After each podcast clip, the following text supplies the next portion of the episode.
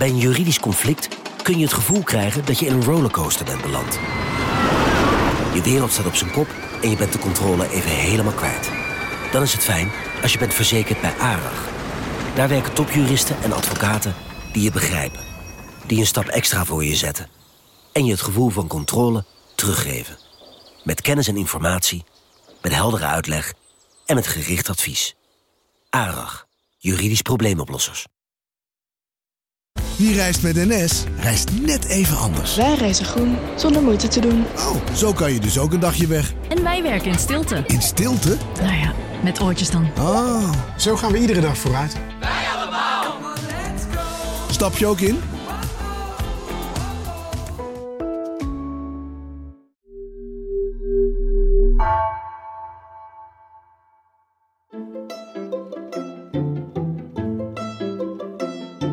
Welkom.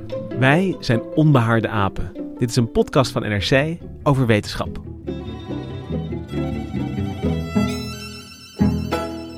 De pandemie lijkt wel in een nieuwe fase beland. Ineens duiken overal varianten op van het coronavirus SARS-CoV-2. Het begon met de Britse variant, maar inmiddels hebben virologen het ook over de Zuid-Afrikaanse, Braziliaanse en Amerikaanse coronavarianten. En dat het coronavirus muteert klinkt best een beetje eng. Maar is dat het ook? Moeten we ons zorgen maken? Kunnen onze vaccins en immuunsystemen die snel evoluerende virussen wel bijhouden? Om ons vandaag bij te praten over al die varianten spreek ik met medisch redacteur Sander Voormolen.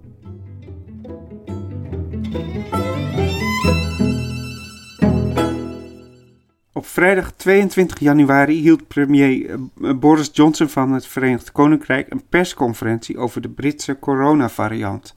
I must tell you this afternoon that we've been informed today that in addition to spreading more quickly, it also now appears that there is some evidence that the new variant, the variant that was first identified in London and the southeast, may be associated with a higher degree of mortality. Hij vertelde dat het erop lijkt dat de Britse coronavariant niet alleen besmettelijker is, maar ook nog eens dodelijker. Ja, Sander, ik uh, weet nog heel goed. Uh, ik, ik, zat in de trein naar huis eigenlijk. Het was vrijdagmiddag. Um, de, ja, deze persconferentie ging beginnen. En waar we het tot nu toe hadden over een Britse variant die wel besmettelijker was, um, werd toen gezegd: ja, dat is misschien niet het hele verhaal. Hij is ook nog dodelijker. En uh, ik dacht, oh jee, dat, uh, uh, dat kan wel eens een slechte combinatie zijn. Hoe keek jij toen naar dat nieuws als medisch redacteur? Ja, ik dacht wel, eerst zien dan geloven. En dit was natuurlijk een persconferentie waarin een premier gewoon een uitspraak doet. Dus ik, ik ben meteen op zoek gegaan naar de achterliggende rapporten van hebben ze wel bewijs in handen dat het inderdaad zo is. En er bleek toch wel een kleine aanwijzing te zijn dat het inderdaad dodelijker is.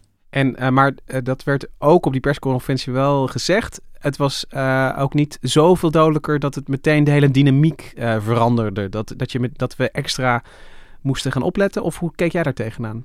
Ja, uit berekeningen komt dat het 30% dodelijker is. En dat zijn eerste voorlopige resultaten. Dus dat is nog niet een heel betrouwbaar getal. Maar dat klinkt heel, heel zwaar, 30% meer. Maar uh, in feite valt het wel heel erg mee. Want als je bedenkt dat er uh, maar 1% van de mensen die COVID krijgen daaraan overlijdt, kom je dus uit op 1,3%. Dus dat is dus nog relatief weinig. Ja, dus het is eigenlijk een, uh, een, een oud wijsheidje bijna uit uh, de, de medische wetenschap. Dat een verdubbeling van het risico kan nog steeds een klein risico opleveren uh, onderaan de streep. Ja, precies. Um, wat er hier gebeurde deze vrijdagmiddag en die vraag die dan meteen weer uh, ja, bij jou terechtkomt als medisch redacteur, die is eigenlijk wel um, ja, exemplarisch voor de afgelopen tijd, heb ik het gevoel. Want uh, niet alleen dit, deze Britse variant uh, moest worden geduid, maar we hebben de afgelopen weken ook over de Braziliaanse variant gehad, over de Zuid-Afrikaanse. En nou ja, als je dat allemaal gewoon hoort en die nieuwsberichten tot je neemt dan uh, klinkt dat best wel zorgwekkend. Er zijn ook experts um, die zich dan zorgen maken over wat al die mutaties en varianten betekenen. En wat mij nou fijn lijkt, Sander, is uh, als je ons vandaag even ja, meeneemt in uh, de wereld van muterende virussen. En dat we even bij stilstaan hoe virussen veranderen, ehm, wat dat dan betekent voor hoe ze zich gedragen uh, in het wild. En toch ook of dat iets betekent ja, voor onze positie ten opzichte van het virus in deze pandemie. Of dat ja, de, de, de verhoudingen toch uh, weer op uh, scherp stelt. Ja, nou, uh, dat wil ik wel doen. Maar dan wil ik eerst beginnen met ja, iets heel precairs. Want we hebben het over een Britse variant, een Braziliaanse variant. Maar eigenlijk hadden we met de Wereldgezondheidsorganisatie afgesproken dat we geen landen meer voor virusnamen zouden gebruiken. Hè? Want dat gebeurde toen uh, uh, rond de uitbraak in Wuhan. Toen werd gesproken over het Wuhan coronavirus. En daar was iedereen op tegen, want dat zou heel erg beschuldigend zijn richting China, richting Wuhan. Donald Trump gooide nog olie op het vuur door het China flu te noemen. En ja, nu, nu hebben we het toch over Britse varianten, Braziliaanse varianten, Zuid-Afrikaanse. De virologen die noemen het, uh, dat Britse variant noemen ze B117 of VOC, dat is Variant of Concern 2020-12-01. Nou, dat zijn natuurlijk onuitsprekelijke namen, dus uh, ja, het is eigenlijk wel logisch dat we het hebben over de Britse variant in plaats van al die codes. Uh, uh, maar dan moet ik wel bij zeggen dat het Britse variant heet, omdat het daar als eerste ontdekt is. En waarom is het daar als eerste ontdekt? Omdat ze daar natuurlijk ook heel intensief kijken naar die virussen. Dus het wil helemaal niet zeggen dat het in, in Engeland ontstaan is, maar het is daar voor het eerst gezien. En dat geldt ook voor Zuid-Afrika en Brazilië. Maar het is toch wel apart dat, uh, nou ja, juist in, uh, je zegt het zelf al, in maart uh, had de WHO er nog echt een punt van gemaakt van jongens, dit moeten we niet meer doen. En nou ja, de eerste varianten duiken op en, en we vallen toch weer terug op die oude reflex. Ja, dat is toch ook heel logisch, omdat je moet een beestje een naam geven als er een nieuw beestje is. En ja, dan de Britten hebben het zelf eigenlijk al, zijn er zelf mee begonnen om het de Britse variant te noemen. En nu willen ze er wel weer vanaf. Maar, maar goed, uh, het, is, het is nou eenmaal heel handig om even een naampje aan te hangen waar het vandaan komt of waar het het eerst gezien is. Nou, laten we dan voor deze aflevering in ieder geval afspreken dat we gewoon voor de uh, begrijpelijkheid het, wel hebben over de, de Britse, Braziliaanse, Zuid-Afrikaanse en, en uh, andere varianten. Um, met dus deze belangrijke disclaimer. Het wil niet zeggen dat deze mutaties daar zijn ontstaan. En het betekent dus ook niets nou, of jij misschien wel. Dat vind ik misschien wel een vraag voor later. Over um, of uh, landen er misschien ook een aandeel in hebben dat, uh, dat deze varianten opduiken. Maar die uh, vraag ga ik je later, ga ik je later nog stellen. Um, nu was het zo dat ze lijken nu ineens in, in, in rap tempo duiken de varianten op. Maar ik weet nog uh, van het begin van de pandemie uh, dat er ook al wel gezegd werd van ja, we kunnen onze borst nat maken. Het uh, virus gaat muteren. Daarbij werd ook wel meteen gezegd: coronavirussen muteren wat langzamer dan bijvoorbeeld griepvirussen. Maar dat een virus muteert, dat is um, niet bijzonder en was ook gewoon te verwachten. Ja, dat klopt. Alleen uh, dat er zoveel mutaties tegelijk in één virus zouden zitten, dat is eigenlijk het nieuwe wat hier gebeurt.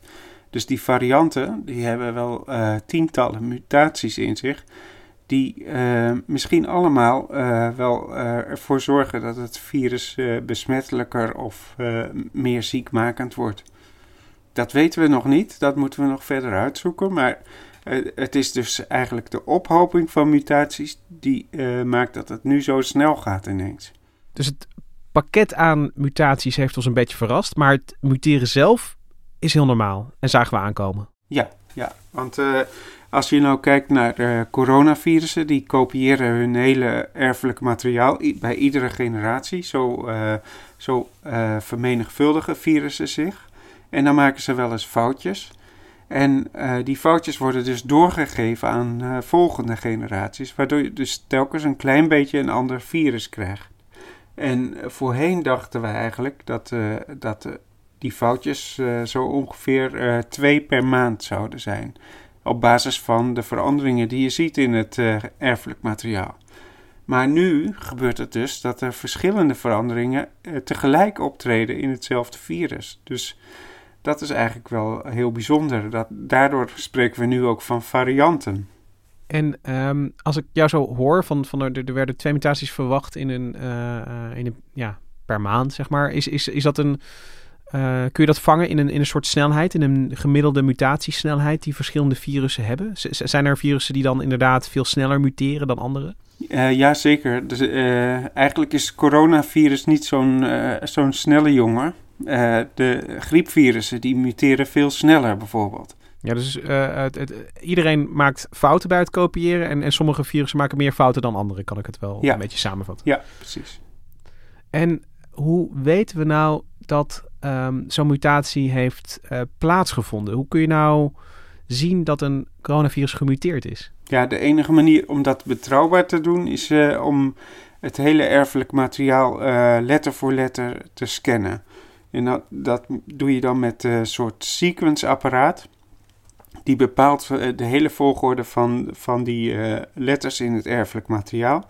En omdat het er 30.000 zijn, is dat nog wel een behoorlijke klus. Maar er zijn tegenwoordig hele snelle apparaten voor en die kunnen dat helemaal sequencen. En ja, uh, de enige manier om dat te weten dus, welke mutaties erin zitten, is om het helemaal te sequencen. Dan weet je precies waar dat is opgetreden. Dat is dus een ingewikkeldere test of een uitgebreidere test dan de coronatest die je gewoon krijgt als je uh, jezelf naar een teststraat gaat en uh, uh, dan een, een, een, neus- en keelmonster genomen wordt en gewoon gekeken wordt naar of het virus er zit of niet. Ja, want zo'n gewone test, dat is een PCR-test of een antigeentest, die kijkt alleen maar naar of er bepaalde stukjes van het, van het erfelijk materiaal of bepaalde eiwitten erin zitten. Maar hoe weten we dan? Want dat sequencen gebeurt dus niet met, met alle virussen. Je kunt altijd maar een, een deel daarvan zo nauwkeurig uitlezen dat je precies uh, weet wat erin zit. Hoe houden we dan de vinger aan de pols welke varianten er zo zijn? Nou, in, in Nederland doen we dat uh, een beetje at random. Dus wat ze doen is dus de wattenstaafjes die gebruikt worden bij de PCR-test, die positief testen. Daarvan worden er zo'n uh, 200 à 300 per week geselecteerd, overal in het land. En die gaan naar een centraal laboratorium in Beeldhoven en in Rotterdam. Waar ze dus die volledige sequentie van het virus ophelderen. Om te kijken of er inderdaad rare dingen te zien zijn. En ja, de laatste tijd hebben we dus inderdaad gezien dat, dat er Zuid-Afrikaanse, Braziliaanse, twee soorten Braziliaanse varianten zelfs, dat die opduiken. En de Britse variant is eigenlijk al bezig om heel normaal te worden hier. Ja, want dat is dan de. Je, je ziet hem in een relatief vroeg stadium um, met zo'n steekproef eigenlijk. dus dat, dat je gewoon een, een paar monsters kijkt. Um, maar vervolgens wil je ook, ook weten wat, wat de, uh, uh, hoe de verhouding is. Wordt, is dat nog steeds gebaseerd op die steekproef? Dat ze nu zien dat die Britse variant normaler wordt. Dat is niet omdat ze harder zoeken naar de Britse variant. Dat is gewoon omdat ze nog steeds willekeurig kijken naar iedereen die positief getest is nu. Ja, precies. Ja. Uh, en het is ook, ook zo dat nu geldt dat voor die Zuid-Afrikaanse en de Braziliaanse variant. Dat als ergens een uitbraak is en er wordt bij verteld dat die persoon in Zuid-Afrika is geweest of in Brazilië, dan wordt er extra onderzoek naar gedaan. Dus daar gaan ze ook heel gericht op zoek.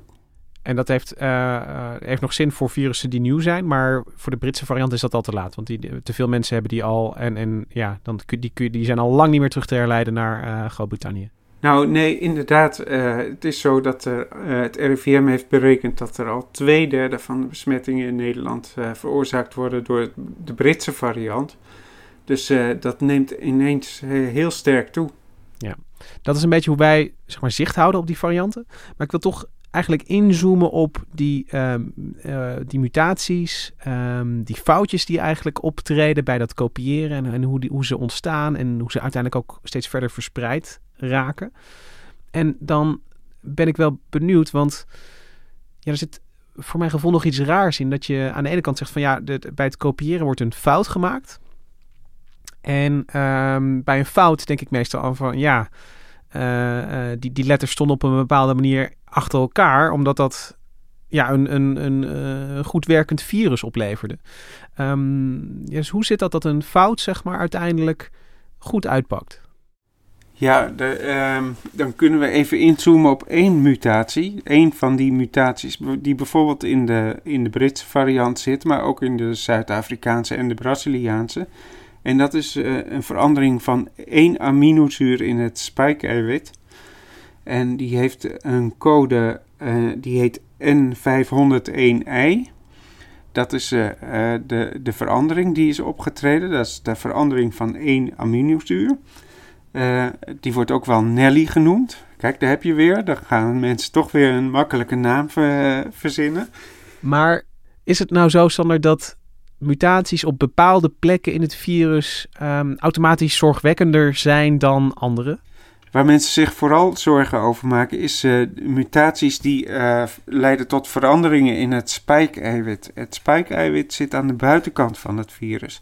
Dus als je een, uh, een coronavirus onder, het, onder de elektronenmicroscoop kijkt, dan zie je een bolletje met allemaal puntjes, als een soort speldenkussen met allemaal spelden erin gestoken. En die spelden, dat zijn de spikes. en dat spike-eiwit, dat is heel belangrijk voor het virus, want daarmee hecht hij aan de receptor. En zo kan hij een cel binnenkomen. Maar uh, die spike-eiwitten zijn ook het aangrijpingspunt voor de antistoffen van het immuunsysteem. Die herkennen dus precies die vorm van het spike-eiwit. Dat is eigenlijk de uitgestoken hand van het coronavirus. Zo'n spike. Ja. En hij kijkt, uh, uh, zo'n zo antistof kijkt dus echt naar de vingerafdrukken op die hand. Hè? Dus daarom zijn, zijn kleine veranderingen in het spike-eiwit. Dan, dan denkt een viroloog meteen, hé, hey, nu moet ik oppassen. Ja, uh, die Nelly, dat, die heeft, geeft het virus waarschijnlijk een, een voordeel. Want dan gaat er dus één aminozuur veranderen, waardoor het spike-eiwit beter en sterker kan binden aan, het, aan de receptor op de, op de cel van menselijke cellen. En daardoor kan het virus makkelijker binnendringen. En dat is een positief effect van deze mutatie? Um, dus, dus virussen met Nelly die uh, komen makkelijker een cel binnen. Um, maar het zou even goed kunnen dat er een mutatie plaatsvindt in, op een net een ander plekje, um, maar die ja, de binding slechter maakt. maar waarom, zie, waarom zien we die varianten dan niet? Die verdwijnen vanzelf, die worden uitgeselecteerd. Dus die verliezen het van de, uh, van de Nelly, zeg maar. Dus als er een Nelly komt, dan, uh, dan is de kans groot dat die Nelly uh, het gaat winnen van de anderen. Dus zou ik kunnen zeggen, Sander, dat er um, ja, bepaalde oplossingen of routes zijn die het virus kan nemen? Um, en dat we uiteindelijk ja, dus met de mutaties overblijven die zeg maar goede oplossingen blijken. Dus, dus er, wordt, ja, er wordt van alles gemuteerd en er verandert van alles. Um, maar er zijn uiteindelijk ja, gewoon door, uh, door, door, door, hoe wij in elkaar zitten en hoe het virus in elkaar zit, maar een paar routes die betere virussen opleveren. Ja, en het hangt natuurlijk ook heel erg af van de omstandigheden waarin zo'n virus uh, moet evolueren. En uh, daarover sprak ik ook met Lia van der Hoek, dat is een viroloog in Amsterdam. En zij heeft eerder iets heel bijzonders gedaan. Zij heeft een nieuw coronavirus ontdekt. En dat was in 2003. Uh, gewoon in Amsterdam heeft ze een totaal onbekend uh, coronavirus als eerste in de wereld ontdekt. En dat bleek een verkoudheidscoronavirus. Want er zijn zeven coronavirussen die de mens kunnen besmetten. Daarvan zijn er drie heel gevaarlijk. dat zijn SARS, MERS en SARS-CoV-2, die we nu inmiddels kennen. Uh, maar er zijn ook nog vier verkoudheidsvirussen. En daar heeft Lia er dus eentje van ontdekt. En dat is wel heel wow. bijzonder. Maar in 2003 kon je dus eigenlijk gewoon, ja niet op straat, maar gewoon in, in een keel van een, uh, ja, een willekeurig verkoude persoon, kon je gewoon nog nieuwe virus ontdekken. Ja, ja zeker. En ja, wie weet zijn er nog meer die we nog niet gezien hebben. Maar ik denk het niet hoor. Want Lia en andere onderzoekers hebben wel heel erg gezocht. Maar we weten ook dat, het, uh, dat er dus vanuit het niets een heel gevaarlijke corona onze kant op kan komen. En daarom is het zo bijzonder wat, wat Lia voor onderzoek doet. Want zij, zij kijkt dus eigenlijk naar die verkoudheidscoronavirussen en probeert op die manier iets over de, over de gevaarlijke corona's te weten te komen. Ik heb veel onderzoek gedaan aan, aan coronavirussen, omdat ik er één vond. En dan, ja, die wil je plaatsen in wat men kent. Nou, dan kom je erachter dat er nog niet zo heel veel bekend is. En toen, ja, toen kreeg ik toch wel ook heel vaak om mij heen te horen van... Eh, nou, wat ben je toch lang in die coronavirussen bezig? Het zijn toch maar, maar verkoudheidsvirussen. Uh, maar er, lijkt wel niemand in geïnteresseerd. En dat is toch wel echt heel moeilijk. Die coronavirussen, die waren heel lang gewoon verkoudheidsvirussen het is heel moeilijk om er iets over te publiceren. Dat maakt ook wel dat we niet eens zo heel veel weten van die verkoudheidsvirussen. Want je kon er geen subsidie op krijgen, echt, echt nul. Want niemand wilde, iedereen wilde hepatitis of HIV en misschien wel ook terecht. Uh, ja, want ja, dat, dat moest opgelost worden, dat was belangrijk. Maar er is wel veel fundamenteel onderzoek niet gedaan aan die verkoudheidscoronavirussen, omdat daar ook geen, uh, geen subsidies voor waren. Maar wat Lia hier vertelt is eigenlijk wel ja, ik vind het wel, uh, ja, ja, schokkend is misschien een groot woord, maar uh, wel verontrustend dat ze schetsen hier eigenlijk dat, dat we meer over coronavirussen te weten hadden kunnen komen, eigenlijk al in aanloop naar, naar deze pandemie, maar dat dat eigenlijk dat dat onderzoek is blijven liggen of dat er minder is gedaan dan, dan eventueel had gekund. Ja, ja. En, uh, en dan te bedenken dat, uh, dat die, die verkoudheidscoronavirussen misschien ooit ook wel zo zijn begonnen als een heel gevaarlijk virus dat zich langzaam aanpast aan de mens en daardoor gewoon een verkoudheidsvirus wordt. Dus eigenlijk is het heel interessant wat zij allemaal onderzoekt hierover. En is hij daar dan al iets te weten gekomen?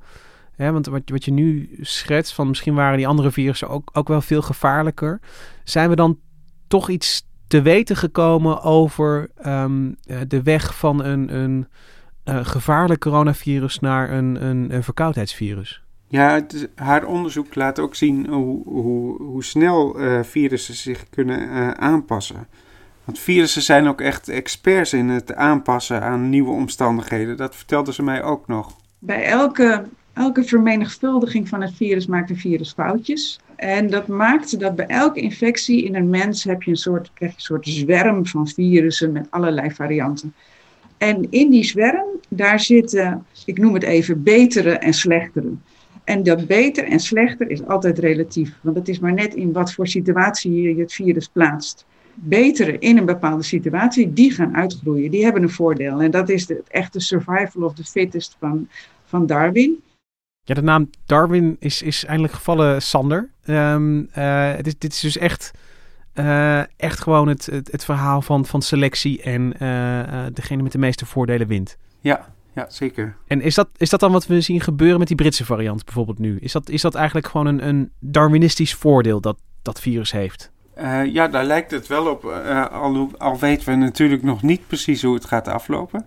Dus, uh, uh, maar zoals het er nu naar uitziet, krijgt dit virus echt de overhand, omdat hij gewoon uh, ja, beter is aangepast aan de mens. En dat beter aanpassen, dat heeft ook te maken met hoe, hoe wij hier nu leven. Dus een, een besmettelijke virus heeft in deze situatie ook veel meer kansen. Omdat hij uh, uh, bijvoorbeeld beter is om langs mondkapjes te gaan. Of uh, die anderhalve meter beter kan overbruggen. Die hele zwerm, daar zitten er een paar tussen. En die kunnen misschien wel makkelijker van kind naar kind gaan. Of die gaan iets makkelijker rondom een mondkapje. Of die hebben een iets hogere concentratie, waardoor ze net iets makkelijker aan je vingers blijven zitten of wat dan ook. Dus op dit moment Um, als, je, als je dan kijkt naar zo'n zwerm en welke druk erop is om de beste te zijn, dan is dat niet omdat je kan ontsnappen aan immuniteit, maar dan is het omdat je tegen de lockdown kan. Want dat is de druk die nu wordt, wordt uitgeoefend op het virus. Maar dus we zitten dus eigenlijk best wel in een bijzondere situatie. In dat de, de, de, maatregelen die wij zeg maar uh, hebben genomen om de verspreiding van coronavirus te remmen, Um, daar wordt eigenlijk een tegenzet tegen gedaan als je het van een afstandje bekijkt. Omdat ja, die situatie die wij met z'n allen hier uh, geschapen hebben, met, met, met, met die afstand, met minder contact, uh, dat, um, dat lokt meteen, ja, dat aanpassingsvermogen van, van het virus wordt eigenlijk aangesproken. Ja, ja zeker. En uh, wat, wat je in andere landen ziet, bijvoorbeeld uh, Brazilië of Zuid-Afrika, waar, waar heel veel mensen al corona hebben gehad, uh, daar, wordt, daar lijkt het erop dat deze varianten aan de immuniteit van die mensen ontsnapt en dat ze dus nog een keer besmet kunnen raken. Dus dat is ook een soort aanpassing van het virus aan de lokale situatie. En dan uh, is, is de uh, specifieke situatie daar. Namelijk, veel mensen hebben al misschien enige vorm van, van weerstand gehad. En dan wordt de uitdaging voor het virus om die mensen nog een keer te pakken, om het simpel te zeggen. Ja, want uh, bijvoorbeeld in de, in de Braziliaanse stad Manaus, daar had, had 70% van de mensen al corona gehad. Omdat zij een president hebben die helemaal niet gelooft in dat het virus bestaat. Hè? Dus er waren ook nauwelijks maatregelen genomen om verspreiding te voorkomen. Maar daar breekt uh, nu rustig weer een nieuwe epidemie uit met corona. En uh, ja, dat, is, dat het lijkt er dus wel op dat het virus uh, dus zeg maar zich heeft aangepast aan de nieuwe omstandigheden. Waarin iedereen al een beetje immuniteit heeft en dat hij daar omheen gaat. Um, en dan ja, ga ik hier toch vragen. Hè, we, we, we, gaven aan het begin een beetje een, een, een, disclaimer. We willen niet dat bepaalde landen de, de, de schuld uh, uh, krijgen van het, het, het ontstaan van bepaalde varianten. Maar um, ja, als je het zo zegt, dan denk ik toch wel weer van ja, hoe je omgaat met de epidemie en welke maatregelen je wel of niet neemt, bepaalt wel het landschap waarin het coronavirus zich dan weer ontwikkelt. ja, dat, dat is natuurlijk zo, maar je kunt niet zeggen dat het, uh, dat het de Braziliaanse schuld is, zeg maar. Bijvoorbeeld. Nee.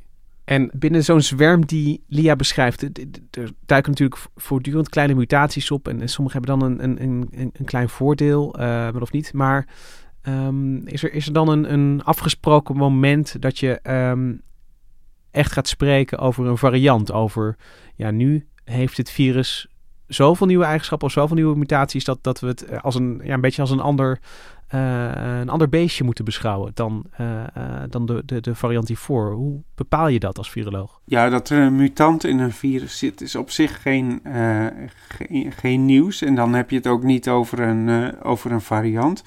Maar uh, dat, daar ga je over praten als er dus inderdaad ook iets verandert aan het gedrag van het virus. Bijvoorbeeld dat het besmettelijker wordt of, uh, of meer, meer of minder ziekmakend. Uh, dan, dan kun je echt wel van een variant spreken. En die besmettelijkheid is, is wel interessant. Want dat, um, we hadden het er al aan het begin over. Een Britse variant is besmettelijker. Um, en kwam Johnson er in tweede instantie bij ook uh, misschien dodelijker. Maar als we het inzoomen op die besmettelijkheid om te beginnen.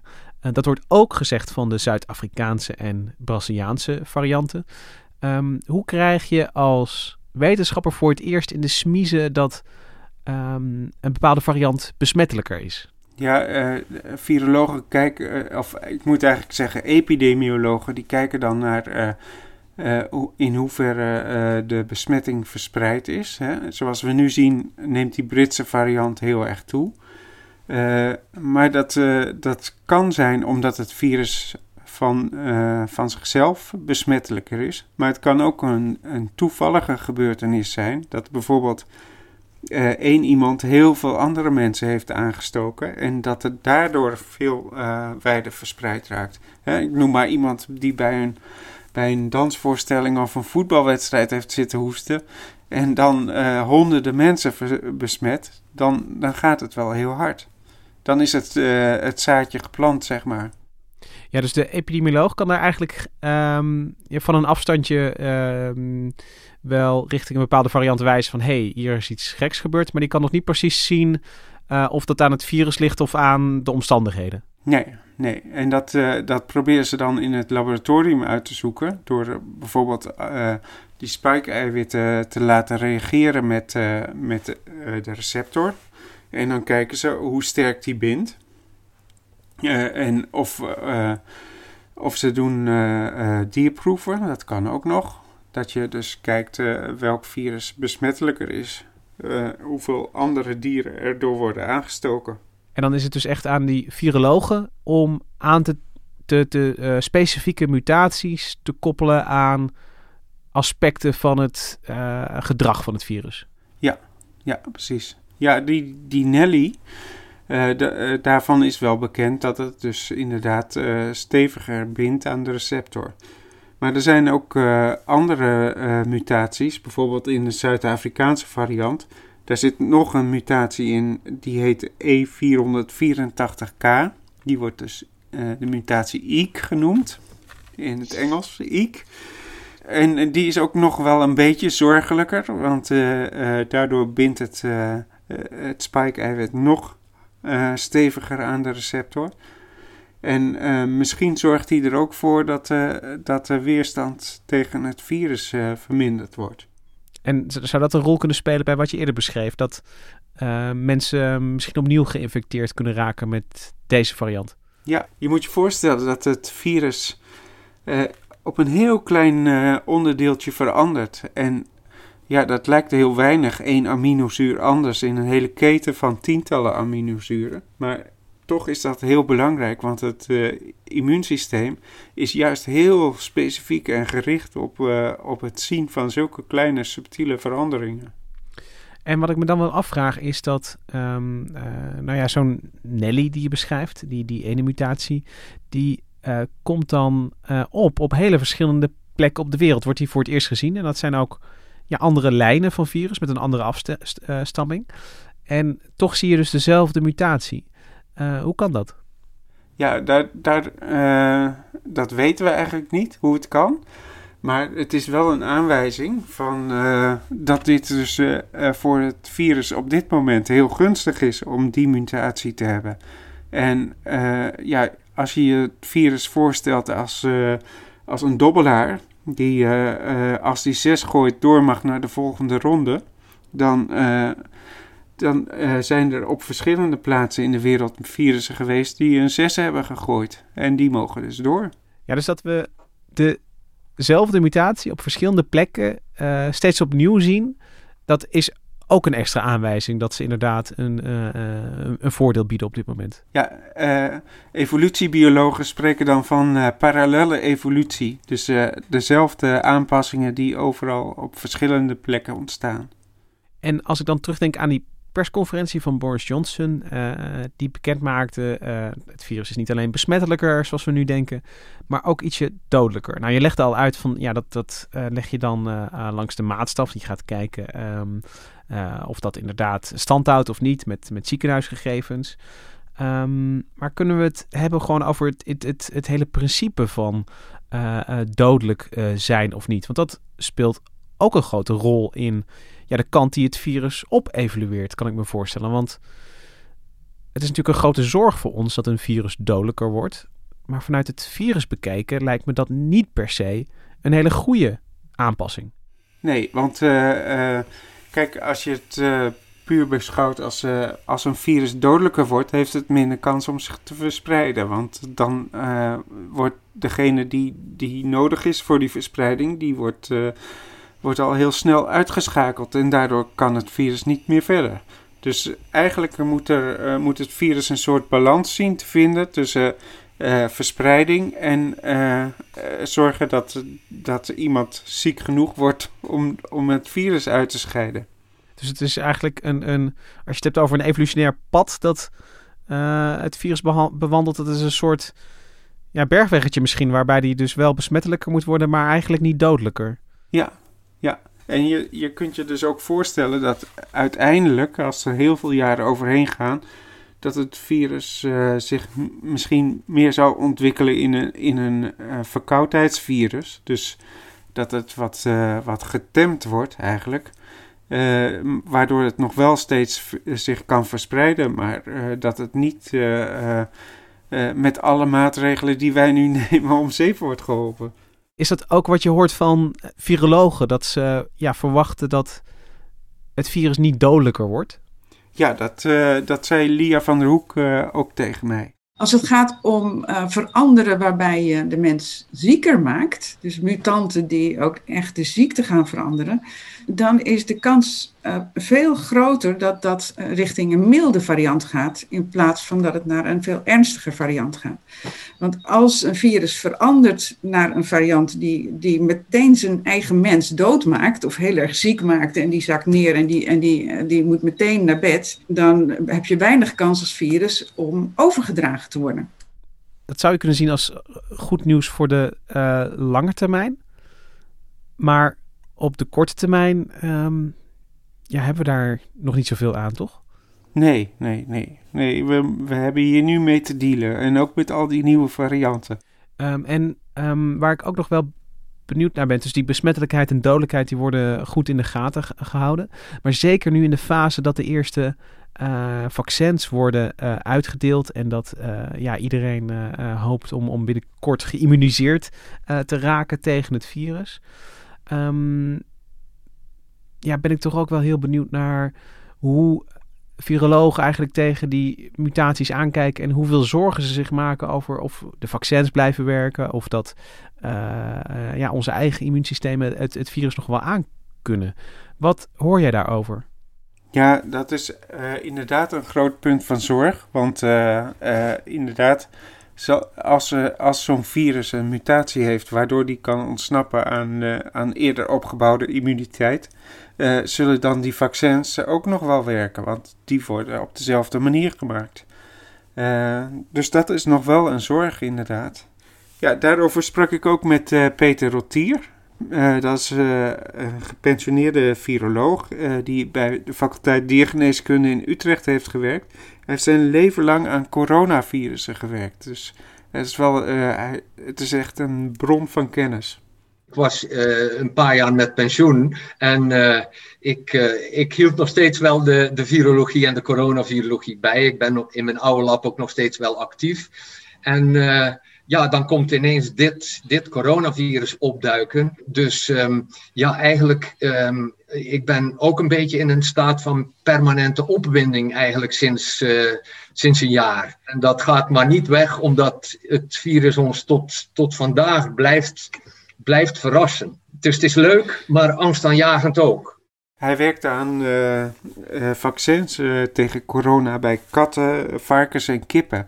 Dus ik, ik was ook heel benieuwd wat hij nou over vaccins zou zeggen. Want ja, hij heeft daar dus heel veel ervaring mee. Maar dan niet bij mensen, maar bij, bij dieren. je hebt ook gewerkt aan vaccins tegen corona, waar we nu allemaal mee bezig zijn natuurlijk. Uh, en uh, de, dan zijn het uh, vaccins voor corona bij katten en bij kippen, geloof ik. Hè? Ja, en bij en, varkens. En, ja. Ja? ja. Kunnen we daar nou wat van leren voor de menselijke vaccins? Ja, we kunnen daarvan um, op de eerste plaats leren dat het heel erg moeilijk is. En dat zou de goede gemeente op dit moment niet zo denken, omdat ze zien dat er uh, nieuwe vaccins binnen in recordtempo zijn gekomen. We kunnen alleen maar heel gelukkig zijn dat die het heel goed doen. Want in de geschiedenis van de vaccinontwikkeling van coronavirussen zijn de successen heel beperkt. En eigenlijk zijn er behalve voor de kippen uh, uh, coronavirussen geen goede vaccins op de markt. Ja, Sander, ik ben wel heel benieuwd. Worden kippen dan ook zo ziek van coronavirussen? Uh, ja, dat, dat, uh, dat zijn natuurlijk andere coronavirussen dan, dan die wij hebben. Maar uh, ja, zeker. eigenlijk heeft elke diersoort wel zijn eigen coronavirus, zou je kunnen stellen. En ik vind het wel bijzonder dat we dus in Nederland ja, virologen hebben die nieuwe coronavirus ontdekken. Virologen die hebben gewerkt aan coronavaccins. Eigenlijk ja, waren we tot, uh, tot vorig jaar misschien wel een beetje kampioen coronaviruskennis. Ja, ja, zeker. Dat zou je zeker zo kunnen zeggen. En komt die kennis ook nu van pas, Sander? Die kennis met, met eh, coronavirusvaccins bij kippen bijvoorbeeld. Is dat, hebben we daar nu iets aan? Uh, nu we weer in een soort strijd zitten van vaccin tegen virus? Nou, wat we, wat we nu hebben gedaan is uh, eigenlijk alle, alle moderne kennis meteen ingezet om die vaccins te maken. Dus uh, Peter Rotier heeft uh, tientallen jaren gewerkt aan zo'n vaccin voor kippen. Maar als je ziet hoe dat nu gaat, dat is, de, dat is echt met, met alle moderne middelen die we hebben. En daardoor gaat het veel sneller en veel beter. En hebben we dus inderdaad binnen een jaar een vaccin op de markt gekregen. En nu zijn er inmiddels al drie toegelaten in Europa. En kunnen we ook al want het gaat ontzettend snel. Het vaccin is er binnen een jaar. We hebben binnen een jaar hebben we ook te maken gekregen met nieuwe coronavarianten. Um, en ik weet dat ik heel veel vraag van, van de wetenschap. Maar weten we dan ook al hoe die vaccins um, beschermen tegen die varianten? Nou ja, ze hebben op kleine schaal hebben ze dat in het lab onderzocht natuurlijk. Dat is, dat is de grootste vrees van, uh, van vaccinproducenten. Dat, dat hun vaccin ineens uh, niet meer zal werken doordat er een nieuwe variant van het virus ontstaat. Uh, maar gelukkig zijn de eerste onderzoeken wijzen wel uit dat het misschien toch werkt tegen de Britse variant. Waarschijnlijk ook tegen de Zuid-Afrikaanse variant. Maar er is altijd nog onzekerheid over. En dan hebben we het over uh, de antistoffen die, die uh, worden opgeroepen door het vaccin. Die moeten dus ook specifiek dat variant kunnen aanpakken.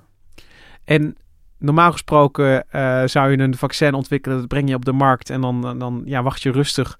Nou ja, op het, misschien de, de, de, meldingen over hoe dat gaat met die, met die, met die vaccinatie. Maar ik bedoel, dus de, de, de vaccinmakers moeten eigenlijk gelijk door. Ze moeten uh, gelijk weten of uh, hoe, hoe die nieuwe situatie van de varianten eigenlijk de, en hun vaccin, hoe, hoe die twee ja, met elkaar op elkaar reageren. Ja, ja. Want ze zijn eigenlijk begonnen voor het maken van een vaccin met het spike-eiwit van, van het eerste virus, zeg maar, wat in, in China opkwam. maar inmiddels is dat spike-eiwit natuurlijk veranderd. Dus de vraag is of dat nog steeds van toepassing is. Maar uh, gezien dat ze dit zo snel op de markt hebben kunnen brengen, is het waarschijnlijk ook wel mogelijk om dat weer snel te veranderen. Ja, en Peter Rotier die denkt dat het een fluitje van een cent is om dit, uh, om dit aan te passen aan de nieuwe varianten. Mocht het nodig zijn dat we die vaccins gaan aanpassen, dan is dat op zich technisch een fluitje van een cent. In het laboratorium is binnen twee weken zijn die, nu, zijn die mutaties uh, aangebracht. Want wat je dan doet is het spike-gen wat uh, in, het, in het vaccin zit, dat voorzie je van, die, van diezelfde mutaties die in de variant voorkomen. En dan uh, moet je dat vaccin gaan produceren. En eigenlijk is dat produceren en de registratie Um, dat is eigenlijk het meest tijdrovende, niet, niet het design van, van het nieuwe vaccin. En ja, ik denk dus dat je dan rekening moet houden met een termijn van drie, vier maanden voordat zo'n nieuw vaccin weer op de markt zou kunnen komen. Dus dat gaat vrij snel. Dus voorlopig uh, denk ik niet dat we heel angstig moeten zijn. Die Braziliaanse variant, daar hoor je wat meer spookachtige verhalen over. Maar echt harde resultaten zijn daar nog niet van verschenen. En ik laat mijn hoofd niet op hol brengen door um, uh, hypes. Peter Rotier maakt zich duidelijk uh, geen grote zorgen over um, die nieuwe coronavarianten. Sander, aan de ene kant omdat dus zijn inschatting is dat, dat vaccins redelijk eenvoudig zijn aan te passen. Maar heeft hij daar ook nog andere redenen voor? Um, vindt hij de, de, de, resultaten van de bestaande vaccins tegen de coronavarianten ook bemoedigend? Ja, hij, hij is natuurlijk wel optimistisch. Maar eigenlijk uh, is het heel lastig te voorspellen wat er zal gebeuren. Uh, we hebben uh, in de persconferenties van, van de ministers ook al vaak gehoord van we, we kijken in de achteruitkijkspiegel om te zien wat er gebeurt met dit virus. En ja, we zijn, hebben ook ontzettend veel verrassingen meegemaakt. Dus de deskundigen zijn het eigenlijk nog niet helemaal met elkaar eens. En het wordt heel lastig om de toekomst te voorspellen. Maar dat is natuurlijk wel. Um als je te maken hebt met, uh, met vaccins en het afdekken van uh, risico's, is ja, natuurlijk wel de, de vragen die iedereen ja, op de lippen heeft branden bijna. En um, ja, ik, ik, ik ben wel benieuwd uh, wat, wat jouw um, indruk is hoe dat nu gaat. Van, van hoe kun je als, als wetenschappers toch tot een, een, een goed advies of een, een afgewogen oordeel komen over ja, wat, wat de toekomst gaat brengen. Bijvoorbeeld op, op dit uh, vlak van, van de nieuwe varianten en de vaccins en de besmettelijkheid en alle zorgen die daar omheen leven. Ja, dat, is, dat blijft toch een hele lastige, want je kunt niet in de toekomst kijken. En dat uh, deskundigen het niet altijd uh, met elkaar eens zijn, dat vertelde ook Lia van der Hoek. Ik zie op tv zie ik, eh, zie ik soms um, uh, wetenschappers, zelfs wetenschappers van hetzelfde instituut. En, en dan zie ik dat ze het, tegengestelde zeggen. En dan ben ik wel eens verbaasd over. Het is niet zozeer dat er hele verschillende um, gedachten zijn over wat we tot nu toe hebben gezien. Maar het inschatten is, is heel erg moeilijk. Ja, de ene, de, de is, is vol, volkomen um, gerustgesteld door de antistoffen uh, die je hebt. En, en hij zegt daarvan, het gaat allemaal heel goed. En de andere die zegt van, nou, die antistoffen, dat ben ik dan bijvoorbeeld. Die antistoffen, nou pas maar op. Als je, als je een jaar verder bent, dan, dan zijn ze misschien wel zo goed niet meer. En ja, kijk, wie, wie heeft er gelijk? Uh, toekomst voorspellen blijft altijd een soort uh, natte vingerwerk. En... en het, het, blijft koffiedik kijken, dat wil ik wel als allerlaatste zeggen. Je weet het niet. Ja, natte vingerwerk en koffiedik kijken, dat, uh, ik, ik, ik snap dat het in, in zekere zin zo is. Maar we zitten natuurlijk wel ja, met keuzes die nu gemaakt uh, moeten worden. Een, een uh, vaccinmaker die moet afwegen van, ja, moet ik nou al mijn recept aanpassen of kan ik beter nog maar even wachten? Um, en ook, zeg maar, het, het, het wetenschappelijk advies moet ook bijna van ja, week tot week um, worden bijgesteld. Uh, ja, wat we in deze pandemie hebben gezien is dat het, dat het inderdaad zo ontzettend snel gaat dat de publicaties het eigenlijk niet meer kunnen bijhouden.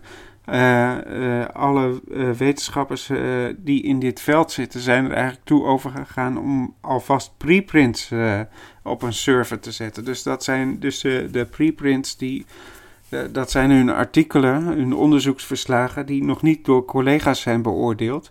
Maar op deze manier kunnen ze dat meteen uh, aan anderen laten weten. Zo snel gaat dat. En dan uh, eigenlijk zie ik soms ook conclusies over bepaalde ontwikkelingen, virussen. die, die dan na twee maanden alweer achterhaald zijn. En het gaat echt ontzettend snel.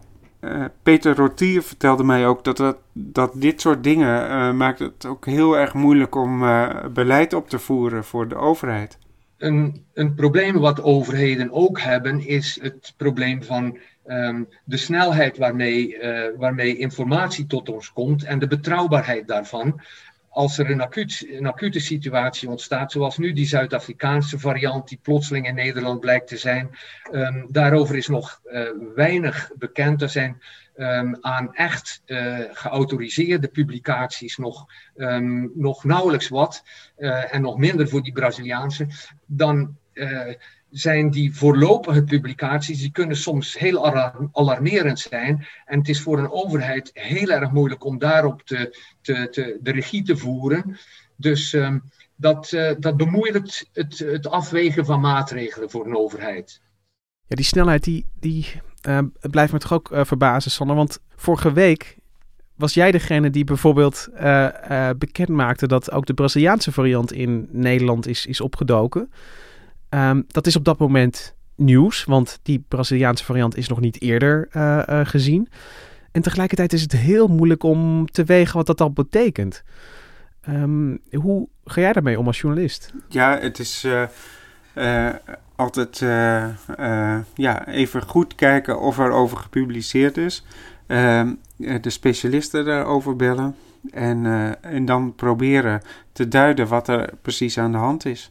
En dan ook accepteren dat, het, dat we gewoon een bepaalde dingen uh, uh, niet weten. Want toen ik vertelde van ja, uh, de, de, dan vertel ik thuis, ja, de Braziliaanse variant is gevonden. Dan, dan krijg ik misschien de vraag, ja, wat betekent dat voor de lockdown? Ja, want het zijn nu allemaal nog uitbraakjes. En die zijn in principe nog in de kiem te smoren. bij de Britsen zal het wel niet meer lukken, omdat die al zo wijd verspreid is dat we dat niet meer tegen kunnen houden. Maar eigenlijk is, uh, is het doel uh, om zo lang mogelijk uh, het uit te zingen totdat iedereen gevaccineerd is. En ja, dat is dus ook weer een race. Want we, we, hebben heel weinig vaccin en we moeten iedereen vaccineren. Dat, en dan afwachten of het vaccin wel gaat werken tegen deze nieuwe varianten. Dus ja, het, is, het blijft racen ik, ik vind het zo uh, bijzonder ergens dat Ehm, kijk, de, de, de Britse variant was ook ooit nou ja, ooit, dat was nog maar drie maanden geleden, dat hij voor het eerst opdook. En, en die verandert dan toch, ehm, ja, bij die eerste had je ook kunnen zeggen van ja, dat is op dat moment nog een uitbraak en we moeten nog maar zien welke kant het op gaat. En inmiddels verandert die wel de dynamiek uh, uh, hier met hoe we met het virus om moeten gaan. Moeten de maatregelen strenger, wel niet? Ik bedoel, daar, ontstaan dan weer grote discussies over. Dus die hele kleine gebeurtenissen, een mutatie, een kopieerfoutje, kan uiteindelijk wel het verloop van, een, van de pandemie uh, dus, dus, dus beïnvloeden. Dus, dus wat er gebeurt hè, met, die, met die eiwitten die net een slordige kopie maken. Ja, op het moment dat het gebeurt, je bent er niet direct bij, maar op een gegeven moment zie je hem. Maar dan weet je nog niet precies wat het gaat betekenen. En dan kun je eigenlijk pas weer achteraf constateren dat dat een, een, een heel belangrijke mutatie is geweest. Dus dat is. Het, het stemt ook wel nederig ergens. Dat, dat, um, ja, dat, dat, dat we toch daar niet. Uh, um, uh, dat we daar toch een beetje aan overgeleverd zijn. Ja, dit is natuurlijk al sinds het, uh, sinds het begin van ons ontstaan als mensheid. is dit het geval dat we geplaagd worden door virussen. En daar hebben wij onze middelen voor om daar iets tegen te doen, namelijk onze afweer. En dat is een voortdurende strijd tussen virus en mens. En ja, dat is, daar komen we niet meer uit. Daar blijven we in. Uh, dus er zullen altijd nieuwe virussen zijn. En uh, we zullen altijd proberen die met vaccins tegenwoordig uh, te bestrijden. Peter Rotier had daar ook nog wel een mooie beschrijving van. Je kunt dit zien als een evolutionaire strijd tussen de mens en het, en het virus. En ja, tot nu toe mogen we constateren dat we het eigenlijk altijd wel van het virus hebben gewonnen. Um, waarbij we niet over het hoofd mogen zien dat iedere keer, zeker bij ernstige uh, infecties, er altijd een aanzienlijk uh, aantal mensen overlijdt. Maar als je het beschouwt op de langere termijn en ja, zeg maar op het niveau van de hele menselijke populatie, dan zijn we gelukkig tegenwoordig um, goed in staat gebleken steeds om um, binnen kort, korte tijd, steeds korter, een uh, afdoende antwoord te vinden. En onze, uh, onze manieren om op dit soort infecties te reageren zijn en, uh, beter geworden en zullen na deze pandemie aanzienlijk beter worden. Ja, dus in het hele, in het hele grote dobbelspel uh, beschouwd. Dus, niet, dus niet of het virus misschien vorige week zes heeft gerold, maar in het hele grote dobbelspel um, komen we er uiteindelijk uit en, en vinden we een nieuwe balans met, ook met SARS-CoV-2. Kan ik het zo wel dat lange termijn perspectief schetsen, Sander? Ja, dat hoop ik wel. Maar ja, niks is onzeker, want we zijn hier al zo vaak verrast door dit virus dat er nog maar een jaar is. En je moet je ook niet uh, vergeten dat, uh, dat er op dit moment uh, nog veel meer mensen besmet zijn in de hele wereld dan, dan voorheen. En dat het aantal groeit nog steeds. Dus de kans dat er nieuwe varianten ontstaan is nog steeds levensgroot. Dus ik denk ook dat, dat we straks landennamen tekort komen om al die varianten te benoemen. Nou ja, sterker nog, ehm, wat je al beschreef, voor in, uit Brazilië hebben we twee varianten. Dus, dus uh, nou ja, ga er maar aan staan. Ja. nou, we kunnen um, ons borst in ieder geval nog, uh, nog wel even nat maken. Um, niet, we hoeven niet verbaasd te zijn als er nog een, een nieuwe varianten blijken op te duiken uh, straks. Als ik jou goed gevolgd heb, Sander. wat het betekent is ook weer ongewis. Moeten we ook weer gaan zien. Het, het, um, het betekent in ieder geval niet dat vaccineren per definitie hopeloos is. Nee, en niet alleen in Nederland, hè, want we moeten de hele wereld vaccineren. Want als we een uh, virus uh, met rust laten ergens anders ter wereld, kan dat weer gerust onze kant opkomen in een nieuwe gedaante. Ja, dus het is, uh, we zijn nog niet uitgedobbeld. Laat ik het uh, daarop houden met het, uh, met het virus. Um, dankjewel Sander, ook dat jij uh, onvermoeibaar het virus en al zijn stappen blijft volgen. we horen graag van je als daar nieuwe ontwikkelingen aan het front zijn natuurlijk. En ja, dankjewel. Ja, graag gedaan. Nina van Hattem, bedankt voor de productie van deze aflevering. De muziek die je hoort, die is ingespeeld door het Dudok Quartet. En mocht je nou zin hebben in een uh, andere podcast, dan probeer dan eens de NRC Audio app. Daarin staan heel veel podcasts voor je klaar om van te genieten en te beluisteren. Wij zijn er volgende week weer. Tot dan!